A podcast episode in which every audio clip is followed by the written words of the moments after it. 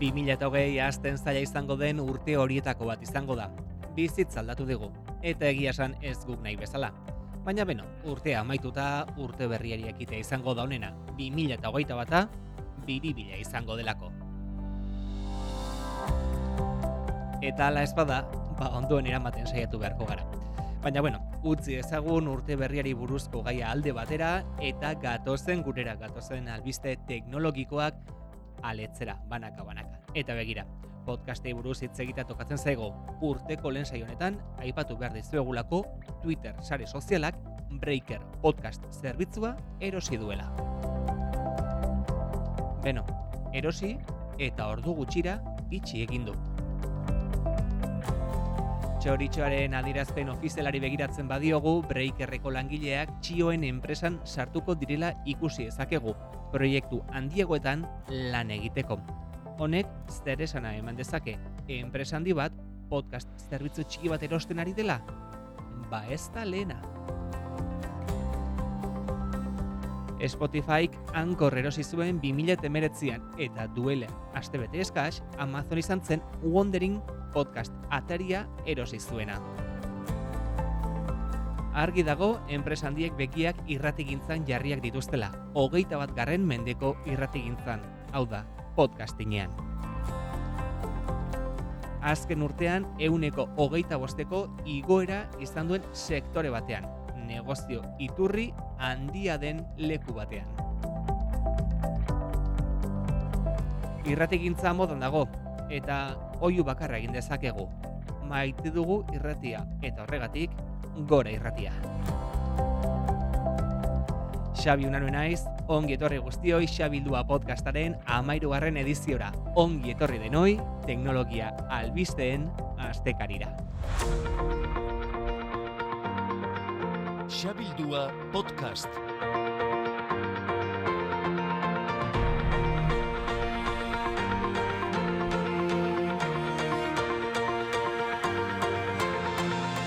Urteko lehen albistei errepaso egita tokatzen da, eta lehenik eta behin gure begiak WhatsAppen jarriko ditugu.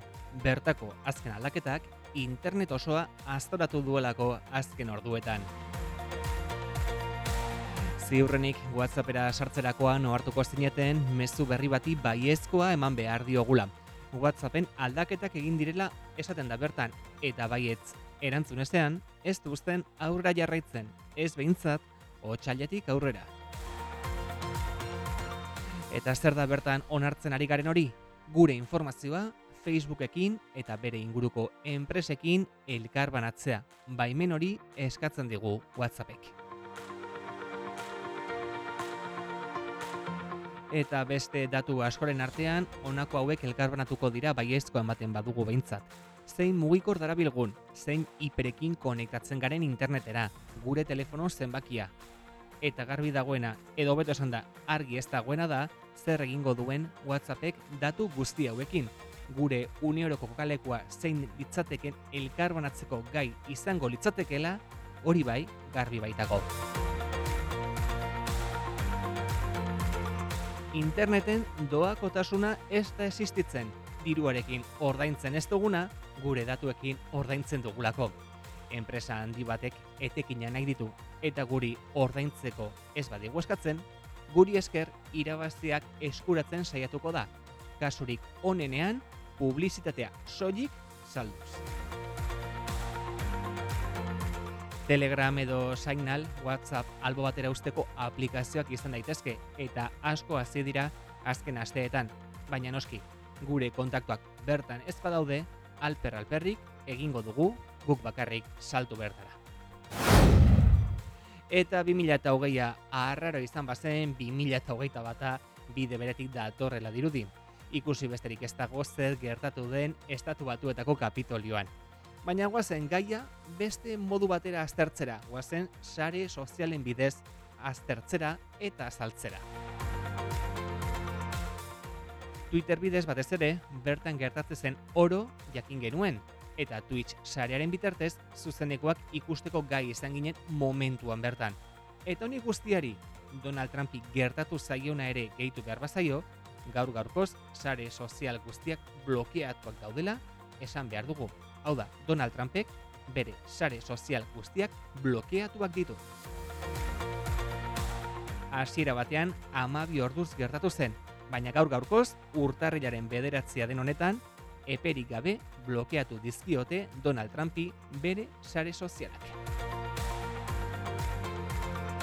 Honek garbi uzten du munduko pertsonarik boteretsuena ere ez dagoela sare sozialetan jarriak dauden arauen aurre egiteko moduan.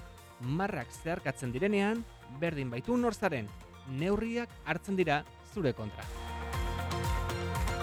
Eta bide batez, Donald Trump isariak itxi badizkiote, bere jarraitzailei gorroto eta fake mezuak zabaltzeko erabiltzen zuten Parler sare soziala ezabatu egin diote Google Storetik eta App Storeak ere, Appleko App Storeak ere, bide bera jarraituko duela dirudi.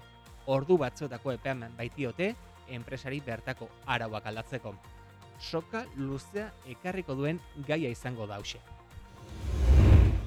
Ba, onaino urteko lehen podcasta motza, baina albiste interesgarriekin. Datorren astean, albiste gehiagorekin bueltatuko gara. Baina tarte horretan albiste gizarren bat errekuperatu nahi baduzue, podcast zerbitzu nagusietan topatuko gaituzue. Apple eta Google Podcast, Spotify, iBox eta plataformarik ezagunetan antxe ikusiko dugu elkar. Eta albiste berrienak, basandakoa, datorren astean leku eta ordu berean. Bitartean, aio, eta ongi bizi...